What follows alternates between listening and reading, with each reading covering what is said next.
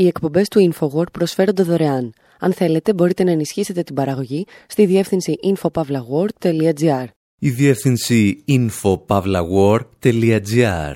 Η εκπομπή InfoWord με τον Άρη Χατζηστεφάνου.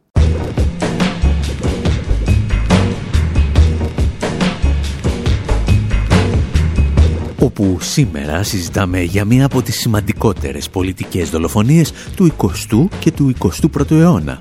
Μία δολοφονία την οποία ελάχιστοι θέλουν να θυμούνται. Αφήνουμε τον Τσέγκεβάρα να μας λέει ότι αυτή η δολοφονία θα έπρεπε να μας διδάξει πολλά και ύστερα τον βλέπουμε να δολοφονείται και αυτός. Θυμόμαστε τον Πατρές Λουμούμπα, τον ηγέτη του Κονγκό που δολοφονήθηκε πριν από 60 χρόνια με εντολή των Αμερικανικών και Βελγικών μυστικών υπηρεσιών. Και ύστερα πηγαίνουμε στο γραφείο ενός εκ των φερόμενων ως ηθικών αυτούργων στις Βρυξέλλες. Σκεφτόμαστε πώς θα ήταν ο κόσμος αν μια αφρικανική χώρα είχε υπό τον έλεγχό της τα πολύτιμα ορυκτά που απαιτεί η παγκόσμια βιομηχανία υψηλής τεχνολογίας.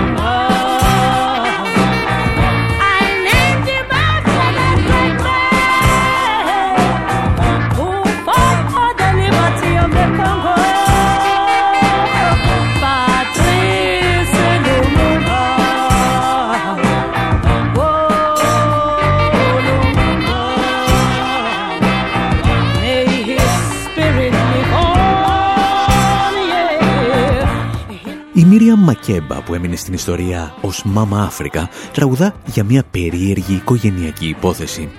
Το τραγούδι μάλιστα είχε γράψει η κόρη της, η Μπόγκη Μακέμπα.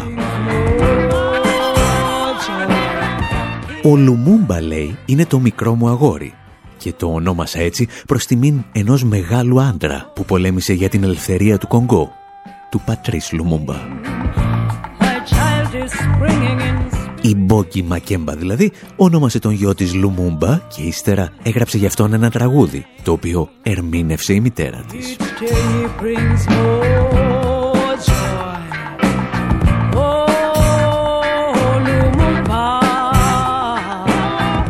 Η μαμά και η κόρη Μακέμπα καταγόνταν από την Νότια Αφρική και προφανώς για να δώσουν στο παιδί το όνομα ενός πολιτικού από το Κονγκό θα πρέπει να ήταν πολύ ωραίος τύπος.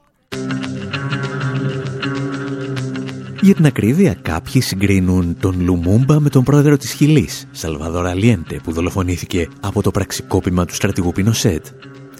Ο Τσιγκεβάρα προειδοποιούσε από το 1964 ότι όλη η ανθρωπότητα θα πρέπει να διδαχθεί από τη δολοφονία του Λουμούμπα. Και τρία χρόνια αργότερα δολοφονήθηκε και ο ίδιος Και αν υπάρχει κάτι που συνδέει αυτούς τους τρεις ανθρώπους, τον Αλιέντε, τον Λουμούμπα και τον Τσεκιβάρα, ήταν ότι δολοφονήθηκαν με εντολή ή τουλάχιστον με την επίνευση της CIA. Για να κατανοήσουμε όμως τη δολοφονία του Λουμούμπα θα πρέπει πρώτα να δούμε τις συνθήκες στις οποίες γεννήθηκε το 1925. Το Κονγκό ήταν ακόμη βελγική απικία και ζούσε τις συνέπειες μιας γενοκτονίας την οποία θα ζήλευε και ο Αδόλφος Χίτλερ. Τα εξηγούσε πολύ πιο περιγραφικά ο Καλάς Κριμινάλ, το εγκληματικό Καλάσνικοφ. Les migrants qui meurent de la noyade, c'est pas la mer à boire. Le bigot de Ségolène Royal, dans mon répertoire. C'est Dieu qui donne et qui reprend. Belega, comment tu me réponds C'est pour ton bien, je te le dis, baisse d'un ton. J'ai des sous, j'entreprends. Les jaloux, les teutrés, c'est pas nous. On est nombreux, mais on n'est pas mille. Celui qui aura ma peau n'est pas né. Là, ça sème de Florent Pagny. Si tu penses que t'es indispensable, oublie pas sur terre, on est plus de 7 milliards. La concu roule dans un corbillard. Une amitié gâchée à cause d'un poteau qui te balance. Gang. Au stade, j'aurais été produit par Dr. Dre ou Timbaland. J'ai pas connu les entretiens d'embauche. J'oublie pas l'époque où il y avait rien dans les poches. La route vers le succès est semée d'embûches. Celui qui parle mal, on lui casse sa bouche. À mes ennemis, je leur souhaite du bien, en toute sincérité. Ο Καλάς Κριμινάλ είναι Γάλλος ράπερ με καταγωγή από το Κονγκό και εκεί έμαθε να ξεχωρίζει τις καλές γενοκτονίες. Ξεκινά το τραγούδι του με τους Ευρωπαίους πολιτικούς που πνίγουν Αφρικανούς μετανάστες στη Μεσόγειο. Και ύστερα λέει δύο κουβέντες για τον Χίτλερ αλλά και για τη μαμά του βασιλιά Λεοπόλδου του δεύτερου του Βελγίου κουβέντες τις οποίες αρνούμαστε να σας μεταφράσουμε. Εάν θυμάστε, όταν το 2020 οι διαδηλωτές σε όλο τον κόσμο άρχισαν να ρίχνουν τα αγάλματα των μεγαλύτερων πολιτικών δολοφόνων της ιστορίας, το άγαλμα του Λεοπόλδου ήταν το πρώτο που έπεσε στην Ευρώπη. Και αν μας αφήσετε να σας θυμίσουμε ο λίγων από την ιστορία του Κονγκό του 19ου αιώνα, θα καταλάβετε γιατί. Κυρίες και κύριοι, ο ύμνος του βασιλιά Λεοπόλδου του δεύτερου του Βελγίου. Το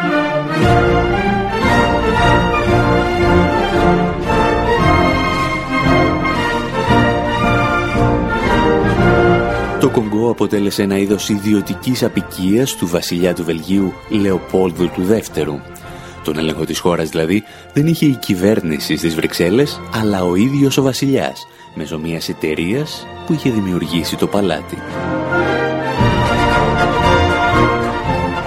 Μη τι άλλο δηλαδή, θα πρέπει να αναγνωρίσουμε ότι στα χρόνια της απικιοκρατίας ο Λεοπόλδος ήταν τόσο μπροστά, ώστε ανακάλυψε τη νέο απικιοκρατία. Το πώς να ελέγχεις δηλαδή μια χώρα μέσα από ιδιωτικές εταιρείες με την έμεση μόνο στήριξη ξένων κυβερνήσεων. Ο Λεοπόλδος ήταν επίσης μάγος και στις δημόσιες σχέσεις.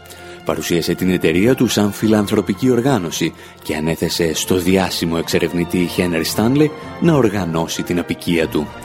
Ήταν ίσως η πρώτη μη κυβερνητική οργάνωση στην ιστορία με αρμοδιότητα να καταλάβει μια ολόκληρη χώρα.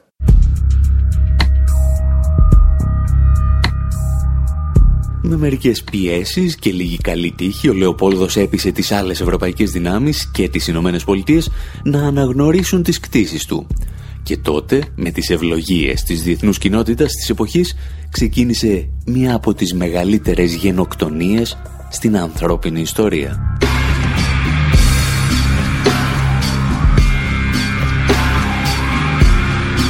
Αρχικά ο Βέλγος βασιλιάς πίστευε ότι θα γίνει πλούσιος από το εμπόριο ελεφαντόδοντου. Γρήγορα όμως διαπίστωσε ότι τα λεφτά βρίσκονται στο καουτσούκ.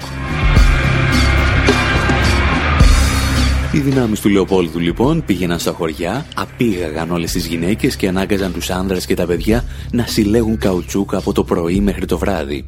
Και για όσους δεν έφερναν τις απαιτούμενες ποσότητες, η τιμωρία ήταν φρικιαστική. Τα εξηγούσε παλαιότερα ντοκιμαντέρ του του BBC. Προκειμένου να εξασφαλίσει την κυριαρχία στις κτίσεις του, ο Λεοπόλδος κατέφυγε σε ακραίες μορφές βίας.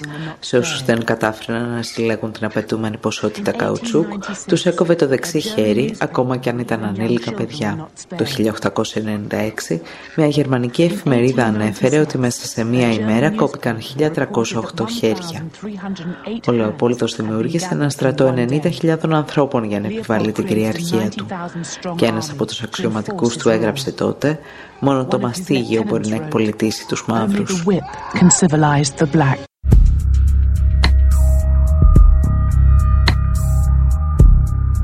Όλο το εργατικό δυναμικό της χώρας, δηλαδή οι σκλάβοι που είχαν ακόμη δύο χέρια, μάζευαν μόνο καουτσούκ, γεγονός που διέλυσε την γεωργία και την κτηνοτροφία στο κέντρο της Αφρικής. Μια καταστροφή η οποία είναι ορατή ακόμη και στις μέρες μας. Η μπίζνα του βασιλιά Λεοπόλδου του δεύτερου όμως πήγαινε μία χαρά για το Βέλγιο. Τα κέρδη ήταν κολοσιαία και επέτρεπαν αυτό που παλαιότερα αποκαλούσαμε πρωταρχική συσσόρευση κεφαλαίου.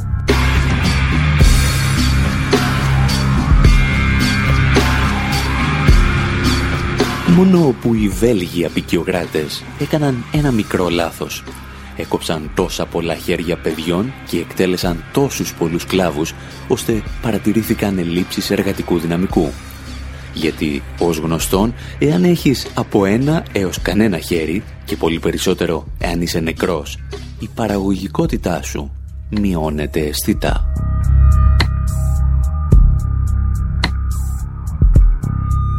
Και τότε, στις αρχές του 20ου αιώνα, η κυβέρνηση του Βελγίου αποφάσισε να παρέμβει, φορώντας το ανθρωπιστικό της προσωπείο. Τα εξηγούσε ο ιστορικός Άνταμ Χότσιλντ, μιλώντας και αυτός στο BBC. Η νέα κυβέρνηση του Βελγίου διατήρησε το καθεστώς δουλείας μέχρι τη δεκαετία του 20 γιατί ήταν εξαιρετικά προσοδοφόρο. Ποιώντας λοιπόν την ανάγκη φιλοτιμία, η κυβέρνηση του Βελγίου αναγκάζεται να βελτιώσει λίγο τις συνθήκες εργασίας των σκλάβων.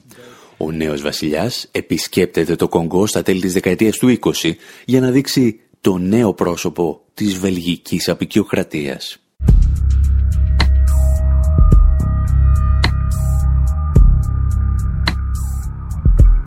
Λίγους μήνες μετά από αυτή την στροφή της βελγικής κυβέρνησης από το παράλογα απάνθρωπο στο απλός απάνθρωπο ο Τεντέν, δηλαδή ο σκητσογράφος του Ερζέ, ανέλαβε να ωρεοποιήσει το νέο καθεστώς με τις περιπέτειες στα κόμιξ του. Ο Τεντέν στο Κονγκό απλώς εκθίαζε ένα από τα πιο αιμοσταγή καθεστώτα που έχουν υπάρξει στον πλανήτη Γη. Παρά το γεγονός ότι πέθαναν 10 εκατομμύρια άνθρωποι, η γενοκτονία του Κογκό έχει ξεχαστεί στην Ευρώπη. Στο βιβλίο του «Η καρδιά του σκότους», ο Τζόζεφ Κόνραντ γράφει «Η κατάκτηση εδαφών, το να παίρνεις δηλαδή τη γη όσων έχουν διαφορετικό χρώμα δέρματος ή λίγο πιο πλακουτσί μύτη, δεν είναι πολύ όμορφη διαδικασία αν την παρατηρήσεις προσεκτικά. Μόνο μετά το τέλος του Δεύτερου Παγκοσμίου Πολέμου, όταν τα κινηματογραφικά επίκαιρα της εποχής έδειξαν εικόνες από την εξόντωση 6 εκατομμυρίων Εβραίων, ο κόσμος άρχισε να χρησιμοποιεί λέξεις όπως γενοκτονία, ολοκαύτωμα και ρατσισμός.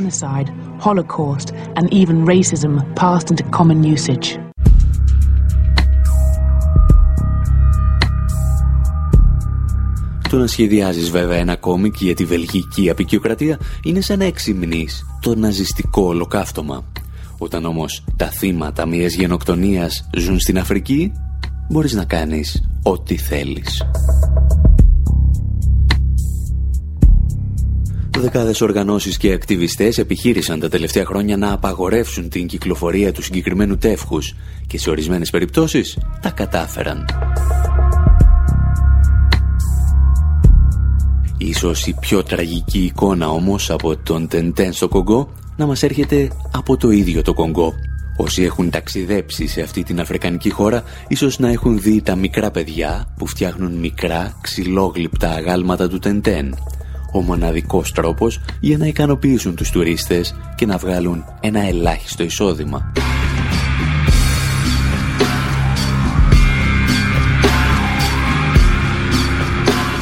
Για αυτούς το να εξυμνεί τον ήρωα που εξυμνούσε τους εκτελεστές στο γονιό τους είναι το μοναδικό μέσο επιβίωσης. Μια κατάσταση την οποία είχε αποτυπώσει αρκετές δεκαετίες παλαιότερα ο συγγραφέας Τζόζεφ Κόντραντ στο βιβλίο του «Η καρδιά του σκότους». Το έργο πάνω στο οποίο στηρίχθηκε ο Φράνσις Φορτ Κόπολα για το σενάριο της ταινίας «Αποκάλυψη τώρα». Ιστορίες μιας άλλης απεικιοκρατίας και μιας άλλης γενοκτονίας. This is the end, beautiful friend. This is the end,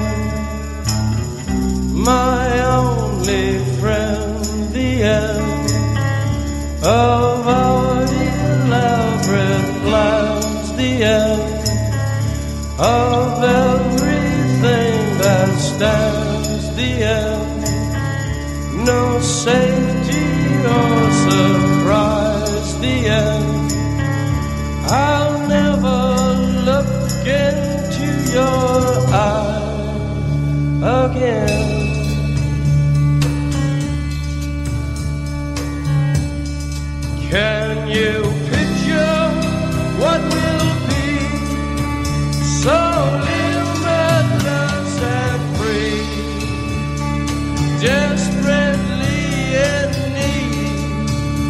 Need of some stranger's hand in a desperate land.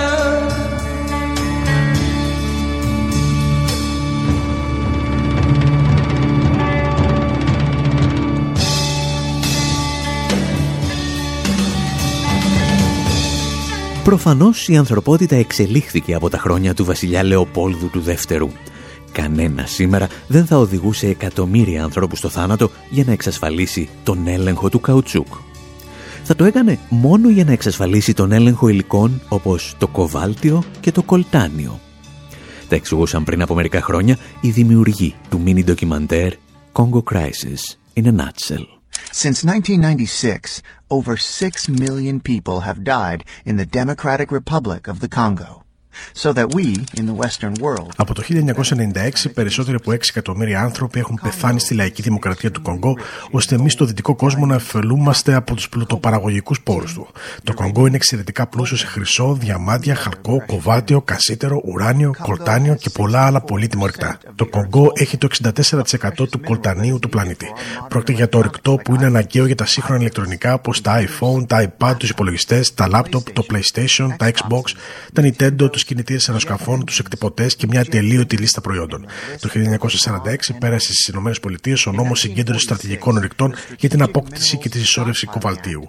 Με τα μεγαλύτερα αποθέματα κοβαλτίου στον πλανήτη, το Κονγκό τέθηκε στο στόχαστρο. Το κοβάλτιο είναι ένα στρατηγικό και σημαντικό ορυκτό, απαραίτητο για την αεροναυπηγική, στρατιωτική και αμυντική βιομηχανία. it is essential for our aerospace, military, and defense industries. Στα χρόνια της βασιλείας του Λεοπόλδου, ο έλεγχος του φυσικού πλούτου του Κονγκό εξασφαλιζόταν με στρατό κατοχής. Στη δική μας εποχή δεν χρειάζεται να ελέγχεις στρατιωτικά μια ξένη χώρα για να εκμεταλλεύεσαι τον φυσικό της πλούτο. Αρκεί να εξασφαλίσεις ότι δεν θα την ελέγχει και κανένας άλλος και κυρίως ο λαός της. As the United States and the United Kingdom provide financial aid and military aid to countries such as Οι Rwanda, Ηνωμένες Πολιτείες και το Ηνωμένο Βασίλειο προσφέρουν οικονομική και στρατιωτική βοήθεια σε χώρες όπως η Ρουάντα και η Ουγγάντα, οι οποίες λαιλατούν τους φυσικούς πόρους του Κονγκό, ενώ ο αριθμό των νεκρών αυξάνεται. Σε τέσσερι μελέτες, τα Ηνωμένα Έθνη ανέπληξαν πολυεθνικές εταιρείες στην προμήθεια κολτανίου από το Κονγκό, λέγοντας ότι οι εταιρείες αυτές είναι κινητήριος δύναμη πίσω από τις συγκρούσεις στη χώρα. Καθώς ο κόσμος αποφελείται από τα πλούτη του Κονγκό, οι άνδρες, οι γυναίκες και τα παιδιά αυτής της χώρας πέφτουν θύματα βιασμού, βασανίζονται, πεθαίνουν από την πείνα, εκτοπίζονται και δολοφονούνται. Έκθεση των Ηνωμένων Εθνών που διέρευσε το 2010 έκανε λόγο για πιθανή διάπραξη εγκλημάτων γενοκτονίας από το στρατό της Ρουάντα. Η κάλυψη όμως από τα διεθνή μέσα ενημέρωσης είναι ελάχιστη. Όταν ασχολούνται με το Κονγκό είναι συνήθως για τις μαζικές θηριωδίε των ομάδων ανταρτών. Αυτό που δεν αναφέρουν είναι πως η χρηματοδότηση, η εκπαίδευση και ο εξοπλισμός αυτών των ομάδων γίνεται από ξένες κυβερνήσεις.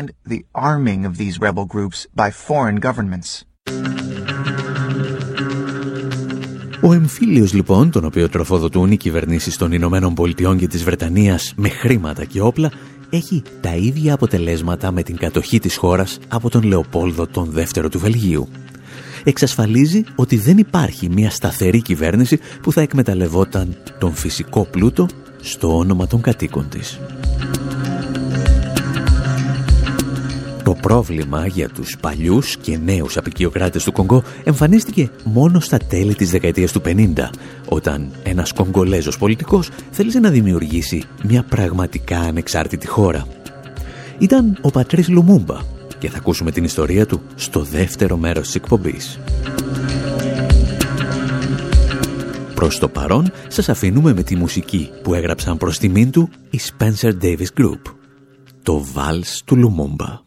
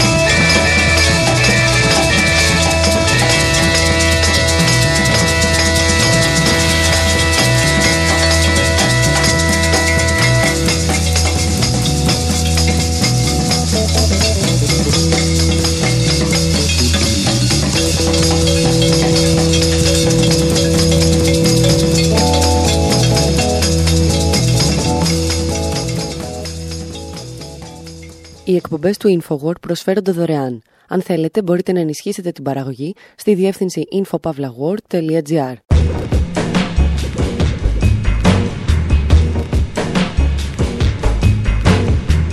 Εκπομπή InfoWord, μέρος δεύτερο. Όπου σήμερα αναρωτιόμαστε πώς θα ήταν η Αφρική και η παγκόσμια βιομηχανία υψηλής τεχνολογίας εάν κάποιοι δεν είχαν δολοφονήσει τον Πατρίς Λουμούμπα πριν από έξι δεκαετίες. Τον είδαμε να γεννιέται στη σκιά μιας γενοκτονίας, την οποία το Βέλγιο και ολόκληρη Ευρώπη προσπαθεί να ξεχάσει. Και έχει έρθει η στιγμή να τον παρακολουθήσουμε στο δρόμο για την Πρωθυπουργία.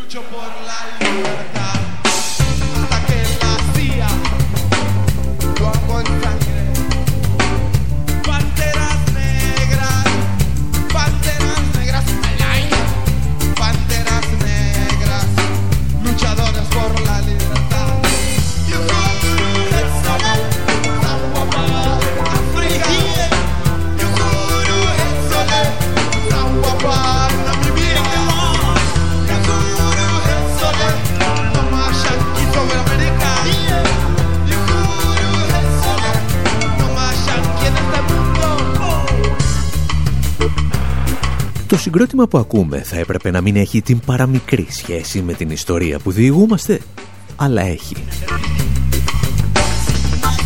Ονομάζονται τόντος τους μουέρτος, δηλαδή όλοι σου οι νεκροί και είναι ράστα πανκ μπάντα από την Αργεντινή. Στα τραγούδια τους όμως αναφέρονται πολύ συχνά στον πρώην πρωθυπουργό του Κονγκό Πατρές Λουμούμπα. Ορισμένα από τα μέλη του συγκροτήματος μάλιστα συμμετείχαν και σε ένα άλλο σχήμα το οποίο ονόμασαν Λουμούμπα.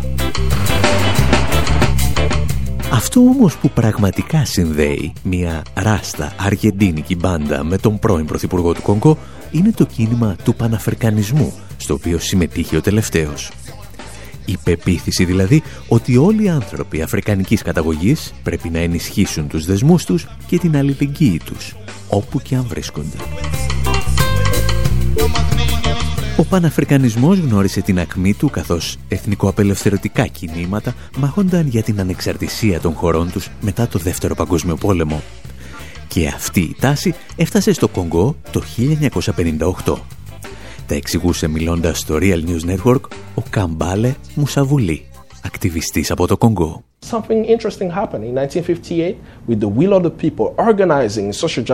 Κάτι ενδιαφέρον συνέβη το 1958. Με τη θέληση του λαού οργανώθηκε ένα κίνημα κοινωνικής δικαιοσύνης από το οποίο ξεπίδησαν ηγέτες. Ένας από τους πιο σημαντικούς ήταν ο Πατρίς Λουμούμπα, ηγέτης του κινήματος Ανεξαρτησίας, που απέτησε οι πρωτοπαραγωγικές πηγές του Κογκό να ωφελούν τους Κογκολέζους πρώτα πριν οποιοδήποτε άλλο.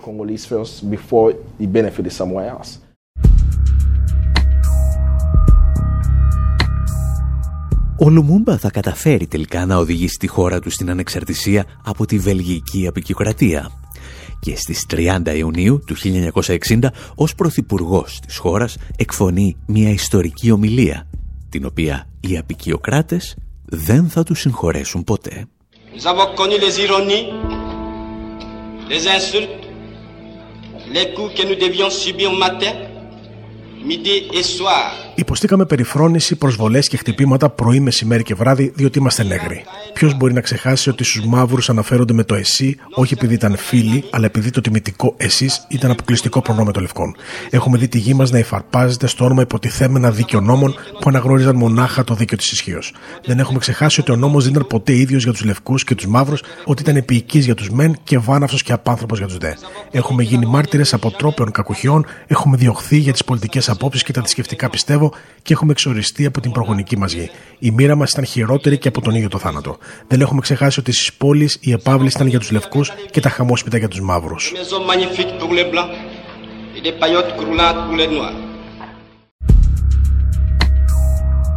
Το στοιχείο που εξοργίζει τους Ευρωπαίους απεικιοκράτες δεν είναι ότι ο Λουμούμπα περιγράφει τα εγκλήματα του Βελγίου. Είναι ότι τονίζει πως η ελευθερία και η ανεξαρτησία επιτυγχάνονται μόνο με σύγκρουση και συγκεκριμένα με την ένοπλη πάλι. Cette indépendance du Congo αν και αυτή είναι εξαρτησία του Κογκό τη γιορτάζουμε σήμερα μαζί με το Βέλγιο, μια φιλική χώρα με την οποία συνομιλούμε ω ίση, κανείς Κογκολέζος δεν θα ξεχάσει ότι την κερδίσαμε με αγώνα. Αγώνα καθημερινό, αγώνα φλογερό και ιδεαλιστικό. Έναν αγώνα στον οποίο υποστήκαμε στερήσεις και για τον οποίο δώσαμε τη δύναμη και το αίμα μας. Διότι ήταν ένας ευγενής και δίκαιος αγώνας, απαραίτητος για να βάλουμε ένα τέλος στην εξευτελιστική σκλαβιά που μας επιβλήθηκε μέσω της ισχύως.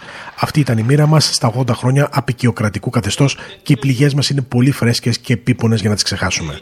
Μας επέβαλαν εξωθενωτική εργασία σε αντάλλαγμα για μισθούς που δεν μας επέτρεπαν να φάμε αρκετά για να μην πεινάμε ή να ντυθούμε παρκώς ή να έχουμε αξιοπρεπή στέγαση ή να μεγαλώσουμε τα παιδιά μας με αγάπη. Δόξα στους αγωνιστές της εθνικής μας απελευθέρωσης. Ζήτω η εξαρτησία και η αφρικανική ενότητα. Ζήτω το ανεξάρτητο και κυρίαρχο Κονγκό. Vive le Congo indépendant et souverain.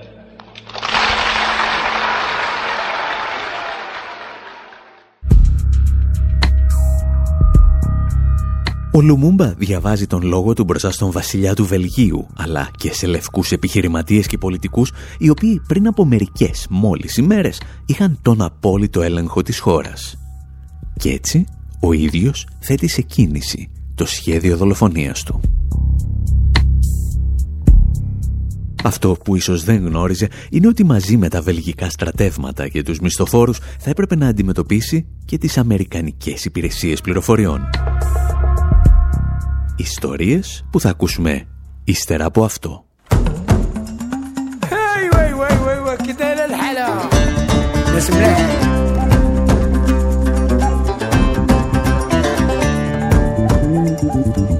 Je suis africain, africain du nord au sud. Et je suis africain, dedans comme dehors. Je suis africain. Je n'ai pas le rythme dans la peau. Je suis africain. Un albinos afro. Africain.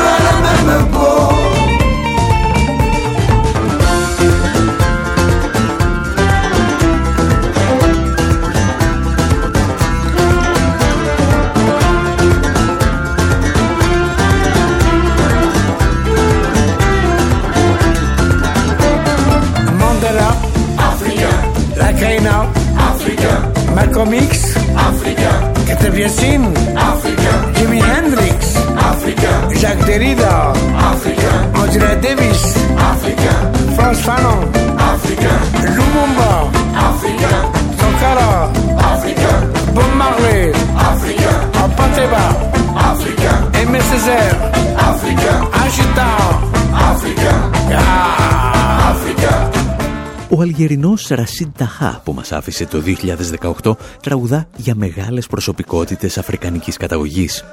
Και ανάμεσα στον Μάλκον Μέξ, τον Χέντριξ, τον Φανόν και τον Τεριντα θα ακούσατε και το όνομα του Λουμούμπα. Ο νέος πρωθυπουργός του Κονγκό, λίγες μόλις ημέρες μετά την ανάληψη των καθηκόντων του, βρίσκεται αντιμέτωπος με εξεγέρσεις στο εσωτερικό της χώρας. Πολλές από τις οποίες τυχαίνει να ξεκινούν σε περιοχές όπου δραστηριοποιούνται ξένες μεταλλευτικές εταιρείες. Απέναντί του όμως δεν έχει μόνο Ευρωπαίους επιχειρηματίες, αλλά και τον πρόεδρο των Ηνωμένων Πολιτειών. Τα εξηγούσε και πάλι ο Καμπάλε Μουσαβουλή.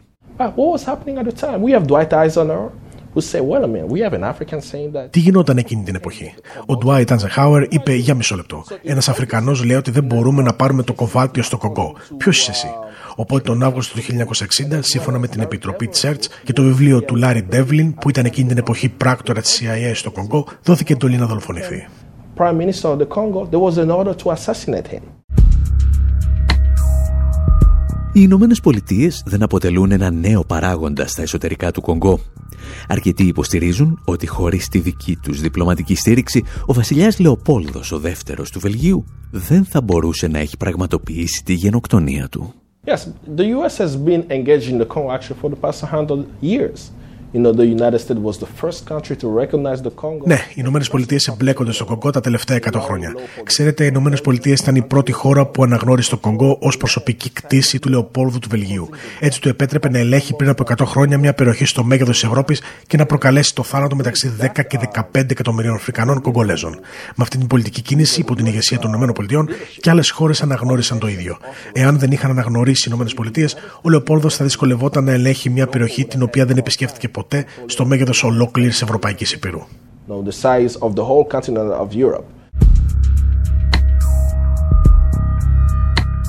Καθώς τα σχέδια ανατροπής του βρίσκονται σε πλήρη εξέλιξη από τις Ηνωμένες Πολιτείες και το Βέλγιο, ο πατρίς Λουμούμπα ζητά τη βοήθεια των Ηνωμένων Εθνών, τα οποία στέλνουν και ανώκρανους, αλλά φαίνεται να τηρούν ίσες αποστάσεις με τους πραξικοπηματίες. Η μόνη ανταπόκριση στο κάλεσμά του έρχεται από τη Σοβιετική Ένωση, η οποία όμως δεν θα καταφέρει ή δεν θα τολμήσει να ανατρέψει τις ισορροπίες.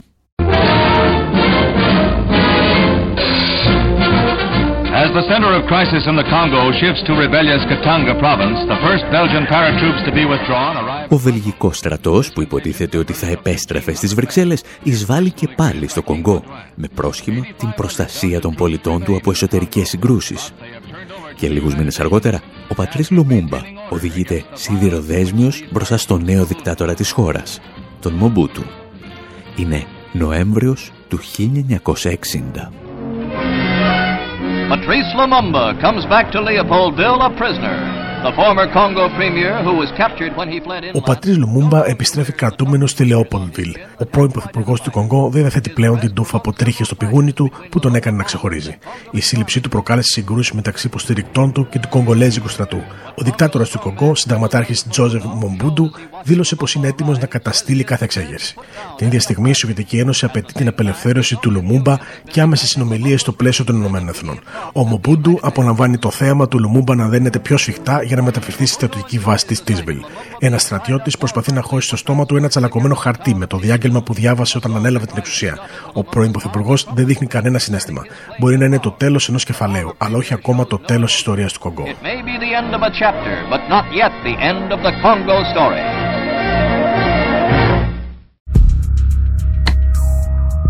Ο Λουμούμπα θα εκτελεστεί τελικά σε μυστική τοποθεσία στις 17 Ιανουαρίου του 1961. Μετέπειτα έρευνες θα βεβαιώσουν τη συμμετοχή πρακτόρων της CIA και μισθοφόρων από το Βέλγιο. Ακόμη και σήμερα όμως, κανένας δεν έχει οδηγηθεί στη δικαιοσύνη. Και εμείς, πριν από μερικά χρόνια, γνωρίσαμε έναν από τους ανθρώπους που έβαλαν το δικό τους λιθαράκι στη δολοφονία του Πατρίς Λουμούμπα. Θα σας τον συστήσουμε ύστερα από αυτό.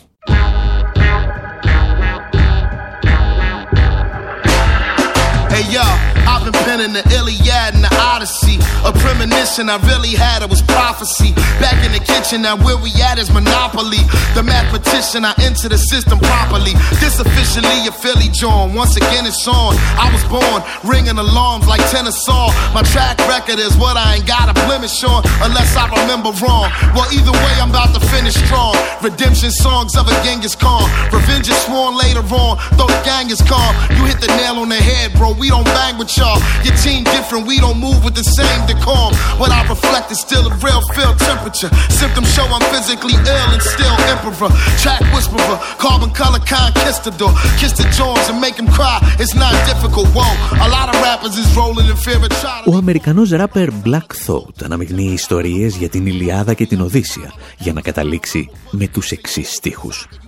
Έρχομαι να κλέψω τα πλούτη σαν το βασιλιά Λεοπόλδο του Βελγίου και έτσι να κρατήσω ολόκληρο τον κόσμο δεσμότη καθώς η ιστορία συνεχίζεται. Η ιστορία συνεχίζεται βέβαια πάντα με τις πράξεις των ανθρώπων και ένας από αυτούς τους ανθρώπους που έπαιξαν το δικό τους ρόλο στη δική μας ιστορία για τη δολοφονία του Λουμούμπα ήταν ο Ετιέν Νταβινιόν.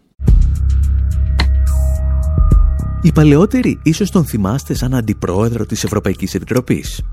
Οι νεότεροι ίσως τον είδατε και στο ντοκιμαντέρ μας This is not a coup. Γιατί ο Νταβινιόν ήταν επικεφαλής του λόμπι των Ευρωπαίων Τραπεζιτών και Βιομηχάνων που επέβαλαν τη δημιουργία του κοινού ευρωπαϊκού νομίσματος. Το 1960 πάντως ήταν ακόμη διπλωμάτης στο Βελγικό Υπουργείο Εξωτερικών και όπως μας θύμιζαν πρόσφατα τα γαλλικά μέσα ενημέρωσης έστειλε ένα περίεργο φάξ σχετικά με το Κόγκο. Το 1960 ο Ετιέν Ντιβινιόν που θα γινόταν πρόσωπο κλειδί στη βέλγικη πολιτική και τις επιχειρήσεις ήταν ένας νεαρός διπλωμάτης που δούλευε στο Υπουργείο Εξωτερικών. Ένα φάξ που απεστάλλει τρεις μήνες πριν τη δολοφονία του Λουμούμπα ζητούσε τη βέβαιη εξόντωση του ηγέτη.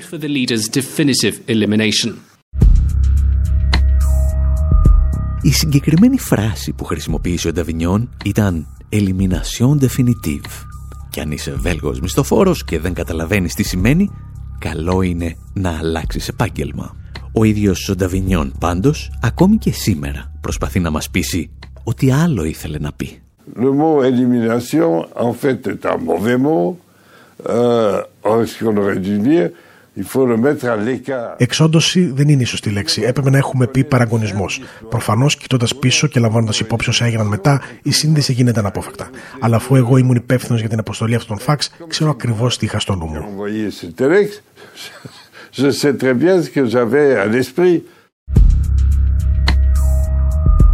Όταν συνάντησα τον Ετιέν Νταβινιόν στις Βρυξέλλες πριν από μερικά χρόνια, η συζήτηση δεν έφτασε μέχρι το μακρινό 1961.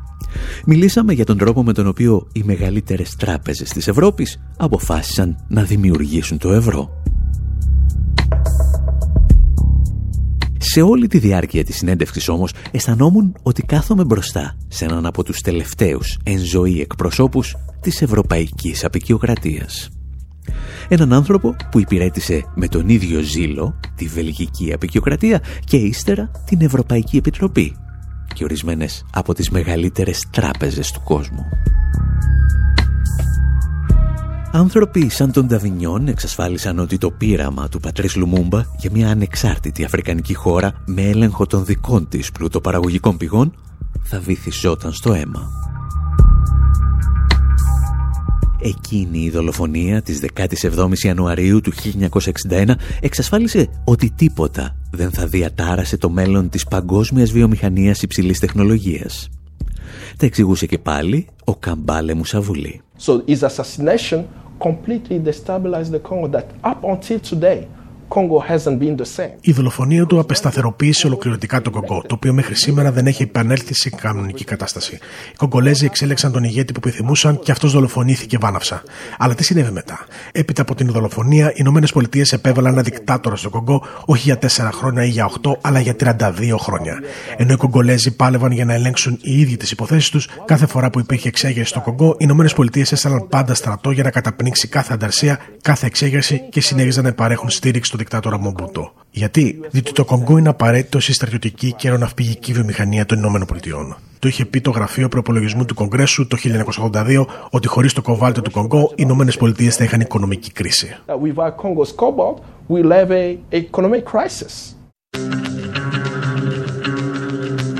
Στο σημείο αυτό όμως, εμείς λέμε να σας αφήσουμε και για αυτή την εβδομάδα.